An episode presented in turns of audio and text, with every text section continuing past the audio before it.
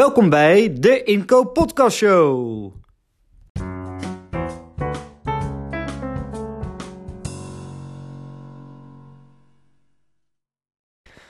Welkom, dames en heren, bij eh, een nieuwe aflevering van de Inkoop Podcast Show. En vandaag zijn we hier met Tamara van Vasthoven. Welkom, Tamara. Ja, dankjewel. Hey, fijn dat je erbij kan zijn.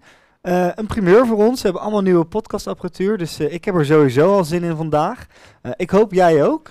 Zeker, onder de indruk hoor. Nou, kijk, dat is goed om te horen. Hey, voordat we gaan beginnen, kan je wat vertellen over jezelf? Wie ben je? Wat doe je? Ja, natuurlijk kan ik dat. Ehm, nou, ik ben Tamara van Vastenoven, zoals jij eh, al eh, zei. En ik ben eh, 37 jaar. Ik eh, ben de afgelopen anderhalf jaar eh, werkzaam geweest in eh, Haarlem, waar ik ook woon, met mijn eh, vriend en twee eh, dochters. En ehm, nou ja, zo'n tien jaar geleden eigenlijk het inkoopvak eh, ingerold. Ik ben begonnen bij een digitaal eh, platform voor eh, eh, aanbesteden. Eh, en daarna de stap gemaakt naar een eh, middelgrote gemeente waar ik eh, eh, nou ja, zo'n vier jaar als eh, inkoopadviseur eh, heb gewerkt. Eh, toen wilde ik ja, eigenlijk Champions League eh, voetbal eh, spelen. Dus heb ehm, ehm, toen een stap gemaakt naar de Belastingdienst als eh, senior inkoper. En nu al zo'n, nou volgens mij 4,5 jaar eh, weer werkzaam als categoriemanager eh bij Rijkswaterstaat. Ehm, en op dit moment uh, categoriemanager werkplek omgeving.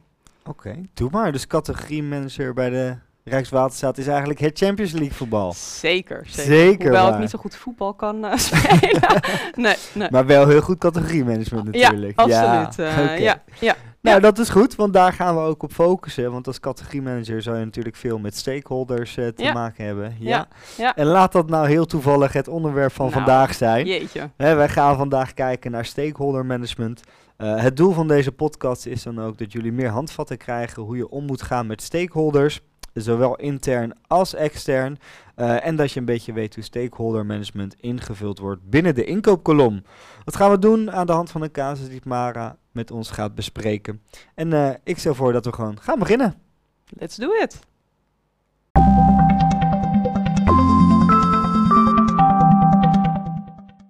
En welkom bij de tweede ronde. De ronde het hem van het lijf. De ronde waarin we onze gast iets beter willen leren kennen op een persoonlijke manier. Eh, en eh, Tamara, ik was wel heel erg benieuwd. Eh, een 37-jarige categoriemanager, een hele fatsoenlijke baan. Maar je hebt vast ook wel ergens een guilty pleasure. En guilty pleasure. Een guilty ja, pleasure. Ja.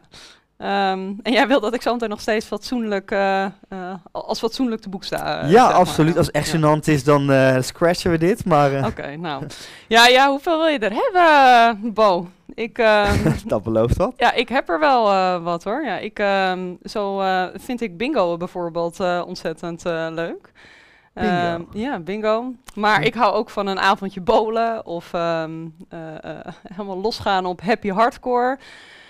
Ja. Happy hardcore. Ja, zeker. Oké, dus Ja. ik zie me nu een soort bingo-zaal voor waar jij aan de happy hardcore zit. En dan heb je echt een ongelofelijke toptijd. Nou, dat zou wel mijn ideale wereld eh, zijn. eh, ja, zeker. Nou, dat klinkt leuk. Ik krijg bijna zin in een bedrijfsuitje, eh, moet ik zeggen. Nou ja, misschien een idee. Ik hoop dat mijn collega's bij Rijkswaterstaat dit horen. Nou, wie weet kunnen we als tussentune zo meteen nog wat happy hardcore eh, erin lassen. Lijkt me helemaal leuk. Nou, je hoort het jongens. Met eh, een happy hardcore fan die van bingo houdt, gaan wij door naar de volgende ronde.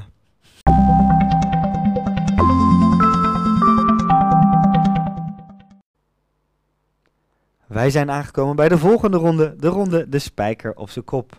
Tijdens deze ronde gaan wij het hebben over de ingebrachte casuïstiek van Tamara, eh, met als doel om ja, de complexiteit daarvan te doorgronden. Eh, we willen vooral eigenlijk weten, eh, ja, wat is er aan de hand, wie zijn erbij betrokken, waar liep je tegenaan en wat moeten wij ermee? Dus Tamara, we hebben het over stakeholders. Ik ben heel benieuwd. Ja, nou ja, ik wil jullie graag meenemen naar een voorbeeld wat helemaal aan het begin van mijn inkoopcarrière gebeurde. Ehm, dat was bij mijn vorige werkgever, bij eh, een gemeente. Ehm, en ehm, nou, ik was eh, voor het eerst eh, verantwoordelijk voor een Europese aanbesteding. Is natuurlijk hartstikke spannend. En eigenlijk ging dat wel heel smooth. Het ging heel relaxed. En we waren zo voor mijn gevoel bij de contractondertekeningen aangekomen. Ehm, nou, daar wilden we een feestje van maken. Ik bedoel, een cateringleverancier, uh, je hoopt toch altijd dat hij ook een taart bijvoorbeeld uh, meeneemt. Uh, dus ik had een, nou, een mooie zaal gereserveerd. en wat gebeurt er dan als, we, als je een zaal reserveerde bij de gemeente? Dan kwam dat op een scherm achter de receptie te staan met waar nou, die contractondertekening dan plaatsvond en wat het onderwerp was. Um, nou, zo gebeurde het dat er twee wethouders in de gang uh, liepen en dat dus uh, zagen. Um, en nou ja, die bij zichzelf dus afvroegen, krijgen wij een nieuwe leverancier voor keten, catering en waarom zijn wij niet geïnformeerd en oftewel geconsulteerd? Um, en hun reactie was mijn kantoor binnenstormen, of nou, in ieder geval, die stonden ineens boos aan mijn bureau met de vraag van, hey, waarom zijn wij hier niet van geïnformeerd en waarom ja, zijn wij hier niet bij uh, betrokken.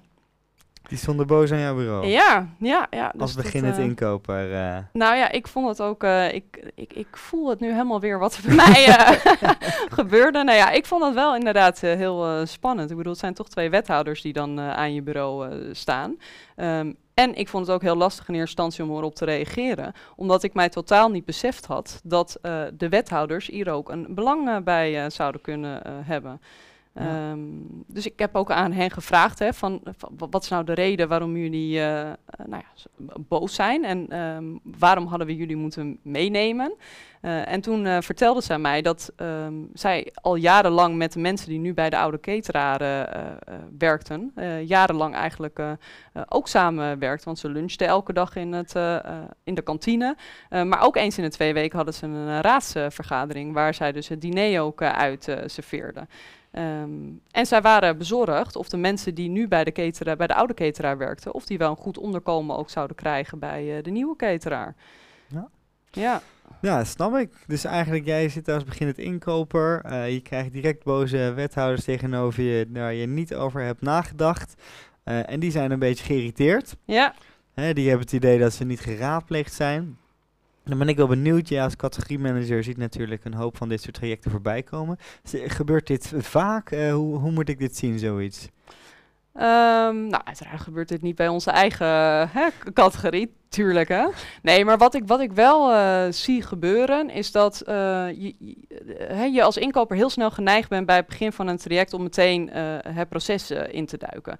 En wat ik wel vaker zie gebeuren is dat er dan geen aandacht wordt besteed aan het begin van wie zijn nou de belanghebbenden binnen zo'n aanbesteding, oftewel offerte traject. En wie moet ik daar allemaal bij betrekken. En dan zie ik wel inderdaad gebeuren dat er gaandeweg het proces, ja, daar wat verstoringen in komen. En ik denk een heel concreet voorbeeld um, is bijvoorbeeld, hè, intern wordt vaak niet vergeten. Um, maar je moet ook niet vergeten dat je een externe stakeholders hebt, de markt. Je kan wel aan de voorkant heel goed doorvragen van, als inkoper van wat is de behoefte die wij hebben als opdrachtgever als Rijk. Maar je moet natuurlijk ook wel weten of de leveranciers, die, de beoogde leveranciers, of die die opdracht wel aan kunnen. Uh, en wellicht kunnen zij nog dingen meegeven uh, die wij als Rijk uh, ja, niet, niet, niet beseffen of niet weten. Dus eigenlijk zeg je dat we dit vaker zien bij de markt, bij extern dan eigenlijk intern, dat we dit zien gebeuren. Daarnaast straf je ook al aan, hè, dit heeft een beetje een, een procesverstorend karakter. Ja. Hè, als ik ook kijk naar die wethouders, ja, ik kan me goed voorstellen dat het procesverstorend is, maar ja, uh, misschien een beetje een brutale vraag, maar ik kan je ook denken dat je daar zit als inkoper, dat je die twee wethouders aan je tafel krijgt, dat je denkt, ja, uh, heel erg vervelend, maar uh, klinkt als een jullie probleem en niet als een mij probleem. Ja, dat zou op zich wel makkelijk zijn, toch? Ja. ja. nou ja, mijn ervaring is wel dat, dat als je um, het in eerste instantie niet goed beantwoordt of niet goed oplost, dat je hem aan de in, verder in het proces wel weer gaat uh, tegenkomen. In dit voorbeeld, um, uh, ik, we hadden ze kunnen negeren, hè, om het zo wat jij uh, bijvoorbeeld zegt. Um, maar dan hadden we ze aan de achterkant, waren ze wel weer tegenkomen. Want dan waren ze namelijk vragen gaan stellen bij de contractimplementatie. dan, dan, waren ze, hadden ze aan mijn bureau gestaan van, oké, ik zie dat jullie nu dat contract gaan implementeren. Maar hoe zit het dan met de mensen? En wat hebben jullie gedaan? En um, dus met andere woorden, als je het nu niet oplost, dan ga je hem ergens anders uh, uh, wel weer tegenkomen.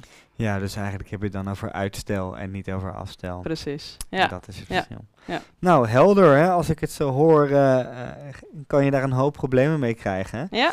Eh, nou, onze inkopers eh, wellicht ook. Dus ik denk dat het verstandig is dat wij eh, in de volgende ronde gaan kijken hoe ze dit kunnen voorkomen. Top. Gaan we naar de volgende ronde.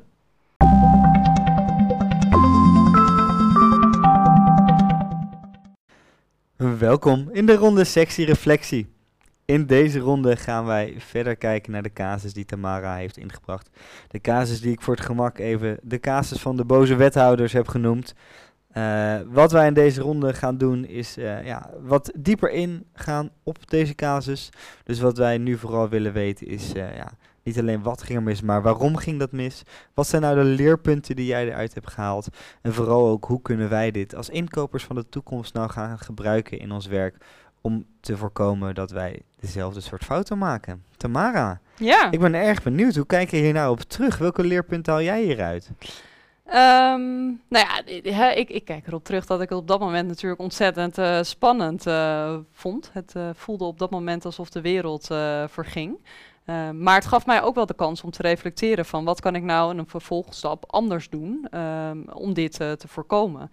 Ehm, ik heb namelijk gezien als je van tevoren niet goed eh, in beeld hebt wie je betrokkenen zijn en hoe je die eh, mee gaat nemen in het proces, dat, dat, dat, nou ja, hè, dat je enerzijds het, ehm, je proces daardoor ook verstoord kan worden. Ehm, maar aan de andere kant eh, heb ik ook meegenomen, en dat gebruik ik ook in mijn werk op, eh, als categoriemanager nu heel eh, erg, is dat als je juist weet wie je waar moet inzetten binnen zo'n proces, juist een proces ook heel erg versneld kan worden. Oké, dus eigenlijk is hier een soort tweeledig punt waar ik aan de ene kant hoor, als je het niet doet, krijg je dus ook direct een heel erg ja, procesverstorend karakter. Hè? Ja. Het gebrek aan stakeholder management. Ja. Eh, en dat uitzicht dan vaak dus in boze wethouders of eh, langzame processen of heel veel tegenstribbelingen verderop. Ja. Heel helder. En dan als je het juist heel goed doet, eh, iedereen er zo vroeg mogelijk bij betrekt, gaat het proces juist veel sneller, veel soepeler. Ja, zeker. Ehm, om je een voorbeeld te geven, wij zijn binnen de categorie werkplekomgeving verantwoordelijk voor de inkoop van kantoormeubilair. En wij hebben daar de ambitie om door te groeien van lineair naar circulair. Ehm, nou, helemaal aan het begin eh, wist niemand nog wat circulair eh, was. Door juist in het begin heel goed te weten van wie onze stakeholders eh, waren, kan je ook mensen inzetten om je bij die ambitie te gaan helpen. Dus door juist de verbinding ook te maken, bijvoorbeeld met, op managementniveau, en daar eh, ehm, iemand te vinden die daar ook nou ja, voor me- met jou mee wil gaan, ehm, kan hij of zij ook ervoor zorgen dat eh, je sneller van A naar B eh, komt. Oké, dat klinkt heel logisch. Dus het is juist, die, hè, dit gaat heel erg over het, eh, waarom stakeholder management dus heel erg zijn vruchten kan Ja. afwerpen. Ja. Eh, dan ben ik ook wel benieuwd, als we dan even hem terugpakken naar die casus, waar we het net over hadden, de casus van de boze wethouder. Eh, hoe had je dat dan kunnen voorkomen? Daarop terugkijkend.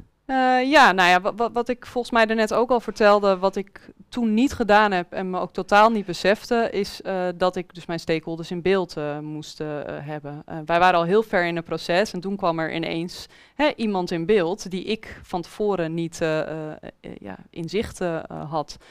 Ehm, ik denk dat ik dit had kunnen voorkomen door juist he- aan de voorkant, eh, misschien al helemaal, helemaal in het begin bij de kick-off, ehm, mijn stakeholders eh, in kaart te brengen. En een heel goed middel eh, om dat te doen is bijvoorbeeld het Raki-model. Het Raki-model. Ja. En dat Raki, even help me herinneren, dat was responsible, accountable, consulted en informed? Nou, in één keer goed, Bo. Yes, Ja. Kijk, oké, het raakmodel. Dus hè, met het raakmodel kan je je stakeholders in kaart brengen. Eh, kan, kan je misschien eh, dat iets concreter maken voor de luisteraar? Hoe gebruik je dat raakmodel optimaal? Ja. Ehm, nou, het Drakenmodel gaat eigenlijk uit van twee eh, ehm, ja, principes. Hè. Aan de ene kant ga je omschrijven van wat zijn de stappen die in een project genomen moeten worden. Dus wat om het ook even de verbinding naar een inkooptraject eh, te maken. Een van de stappen is bijvoorbeeld het opstellen van een programma van eisen. eh, of het opstellen van eh, de gunningcriterium eh, bijvoorbeeld. Ehm, en die zet je allemaal op de verticale eh, as. Eh, en aan de andere kant, eh, op de horizontale as, zet je daar eh, ehm, de belanghebbenden bij. Dus wie, wie hebben er allemaal een rol in eh, bij die verschillende stappen. Ehm, en die zet je aan de, eh, aan de bovenkant en vervolgens ga je ja, invullen bij welke stap eh, je wie wil eh, meenemen en op welke manier. Oké, dus dat je echt heel erg overzichtelijk krijgt. Nou, welke stappen moet ik eigenlijk nemen? Bij welke stappen zitten welke personen? Maar ook dus nog welke rol die persoon dan Ja, heeft. Klopt, ja. Oké, nou dat is helder. Dat, dat, ga, dat moeten onze inkopers dus gaan doen. De, wanneer, hoe, wat, eh Raki. Ja, dus dat hebben ze ingevuld en dan is dat. ja. Dan ben je klaar, toch? Dan, dan ben je helemaal klaar. Zo simpel. Nee, dat, dat, i- dat is natuurlijk eh, niet zo. Nou ja, een eerste tip die ik wel zou willen geven. Ehm, wat, wat ik, ik heb bij de Belastingdienst gewerkt en bij, ik werk nu bij de Rijkswaterstaat en ik werk binnen cat- categoriemanagement. Eh, en omdat ehm, nou, het aanbestedingsproces best wel uit vaste stappen bestaat, zie ik binnen de verschillende IUC's dat men wel vaak een standaard raakje-model eh, eh, heeft. Dus ik zou als eerste tip sowieso al willen meegeven aan de beginnende inkoper. Ga eens bij je eigen inkoopafdeling te raden of er een uh, eh, is. Want dat gaat je natuurlijk helpen. Betekent niet dat je die ook maar meteen klakkeloos moet, eh, hè, moet, moet overnemen. Nee, eh, wat wij nog altijd wel doen, eh, is gewoon helemaal aan het begin, bij, eh, dus in de kick-off, eh, goed kijken van oké, ook in dit traject, zijn dit dan de mensen die het ook in dit traject gaan doen? En zijn dit de stappen of zijn we stappen vergeten? Ehm, en dat doen wij niet alleen. Ik zeg bewust ook, we doen dat bij de kick-off. Want daar zit eigenlijk al je projectteam bij elkaar. Ehm, want dat zou mijn volgende tip eh, zijn. Inkopen doe je wat dat betreft eh, eh, samen. Dus ga het niet als inkoper achter je bureau doen en ga het invullen. Nee, betrek daar ook de mensen in het projectteam bij. Want die hebben wellicht weer andere belanghebbenden dan die jij in beeld hebt. Oké, helder. Als ik het even kort samenvat, heb ik hier vooral twee concrete tips uitgehaald. Ten eerste, hè, doe het aan het begin van het proces, Ja. zodat je zo snel mogelijk die stakeholders in beeld hebt. Eh, en daar is eigenlijk ook het bruggetje naar tip 2, hè, want in dat begin van het proces zit je met het hele projectteam bij elkaar bij die kick-off. Die mensen hebben andere inzichten, dus doe het vooral ook samen, doe het niet alleen. Precies. Kijk, eh, zo bijvoorbeeld bij het voorbeeld van eh, de wethouders, die had ik nooit in zicht eh, gehad als inkoper, maar de mensen met wie ik werk op de facilitaire afdeling wel. Kijk, ja, dus daar had je dan direct eh, die winst kunnen Ja. behalen. Precies. Ja. Helder. Waren er nog meer tips? Ja, de laatste tip die ik eh, nog wel zou willen meegeven, en dat is misschien een beetje een, eh, nou ja, een, een, hè, een gekke, eh, maar hou niet halstarrig vast aan dit Raki-model. We zitten hier net drie minuten over raken te praten. Daarom, ik besef me dat hoor. Ehm, kijk, het helpt je natuurlijk heel goed om eh, het proces eh, te doorlopen. Maar wat ik ook wel geleerd heb ehm, eh, in mijn periode als inkoper, is dat het om meer gaat dan alleen het proces. Juist het opbouwen van een relatie met mensen gaat je helpen om dat raakje-model ook goed in te vullen. En ik zal het concreet proberen te maken. Ehm, eh, ik, ik werk nu eh, al wat langer samen met een eh, team. En ik ken mijn team wat dat betreft heel goed. En ik weet ook waar de een goed in is en waar de ander goed in is. Eh, en nou kan het natuurlijk zo zijn dat er binnen dat rakenmodel eh, eh, bepaalde dingen bij een bepaalde rol horen. Maar wellicht dat iemand anders daar veel beter in is, omdat, omdat hij daar zijn talenten in zit. Dus mijn tip zou zijn van investeer ook heel erg in de relatie met mensen. En probeer ehm, ja, achter de talenten van iemand te komen. Oké, dus, dus juist eh, om, om te weten wanneer je dat raakje eventueel wat meer los zou moeten kunnen laten, moet je investeren in een relatie, zodat andere mensen wellicht met meer ervaring jou daarin kunnen helpen of ondersteunen. Ja. Ja, klopt. Ja. Oké, nou dat klinkt dus een heleboel informatie. Hè? We hebben het gehad dus vooral over eh, het raakje-model, eh, of althans eerst over de positieve en vo- voordelen van het gebruik van stakeholder management en dan als handvat daar vooral voor het raki. Wees erbij snel, doe het in het begin, doe het samen, maar hou er ook niet te halstarrig aan vast. Nou, Nou, Drie mooie tips. Ja, Drie mooie tips eh, waarmee we deze ronde gaan afsluiten. En eh, wij gaan door naar de volgende ronde.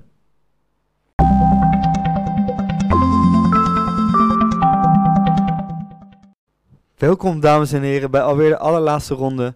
De ronde die zo toepasselijk heet. Het emotionele einde. We hebben natuurlijk een hoop besproken in een vrij korte tijd met Tamara. En eh, ik kan me ook voorstellen dat voor jullie een heleboel informatie is geweest. Dus in deze laatste ronde willen we dat graag nog even heel erg helder voor jullie neerzetten. Dus Tamara, we hebben een hoop besproken, maar wat is nou eigenlijk de kern van jouw verhaal? nou, de kern van mijn verhaal is ehm, denk ik dat je ook op de relatie moet focussen in een uh, aanbestedingstraject en niet alleen op het proces. Oké, dus juist eigenlijk weg van dat meer technische aspect van inkoop ja. en meer focus op het persoonlijke aspect van inkoop. Ja, ja. Ja, als inkoper en, eh, zijn we natuurlijk heel erg gewend om, hè, om proces eh, af te draaien.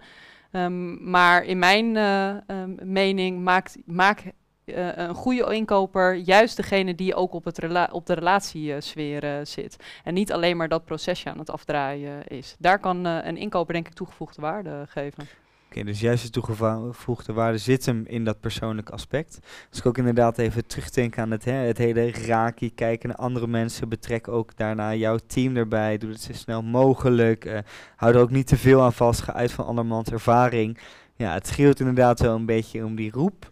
Eh, hey, morgenochtend worden onze inkopers van de toekomst wakker. Eh, ze hebben natuurlijk allemaal jouw podcast geluisterd in bed en eh, ze worden wakker en die ene zin die schreeuwt door hun hoofd, die deze podcast samenvat. Ja. Welke zin is dat, Tamara? Focus ook op de relatie en niet alleen op het proces. Focus ook op de relatie en niet alleen op het proces. Nou, dat lijkt me een hele mooie boodschap voor de inkopers van de toekomst. Hè? Hou dus vooral het menselijke aspect van inkoop ook in de gaten.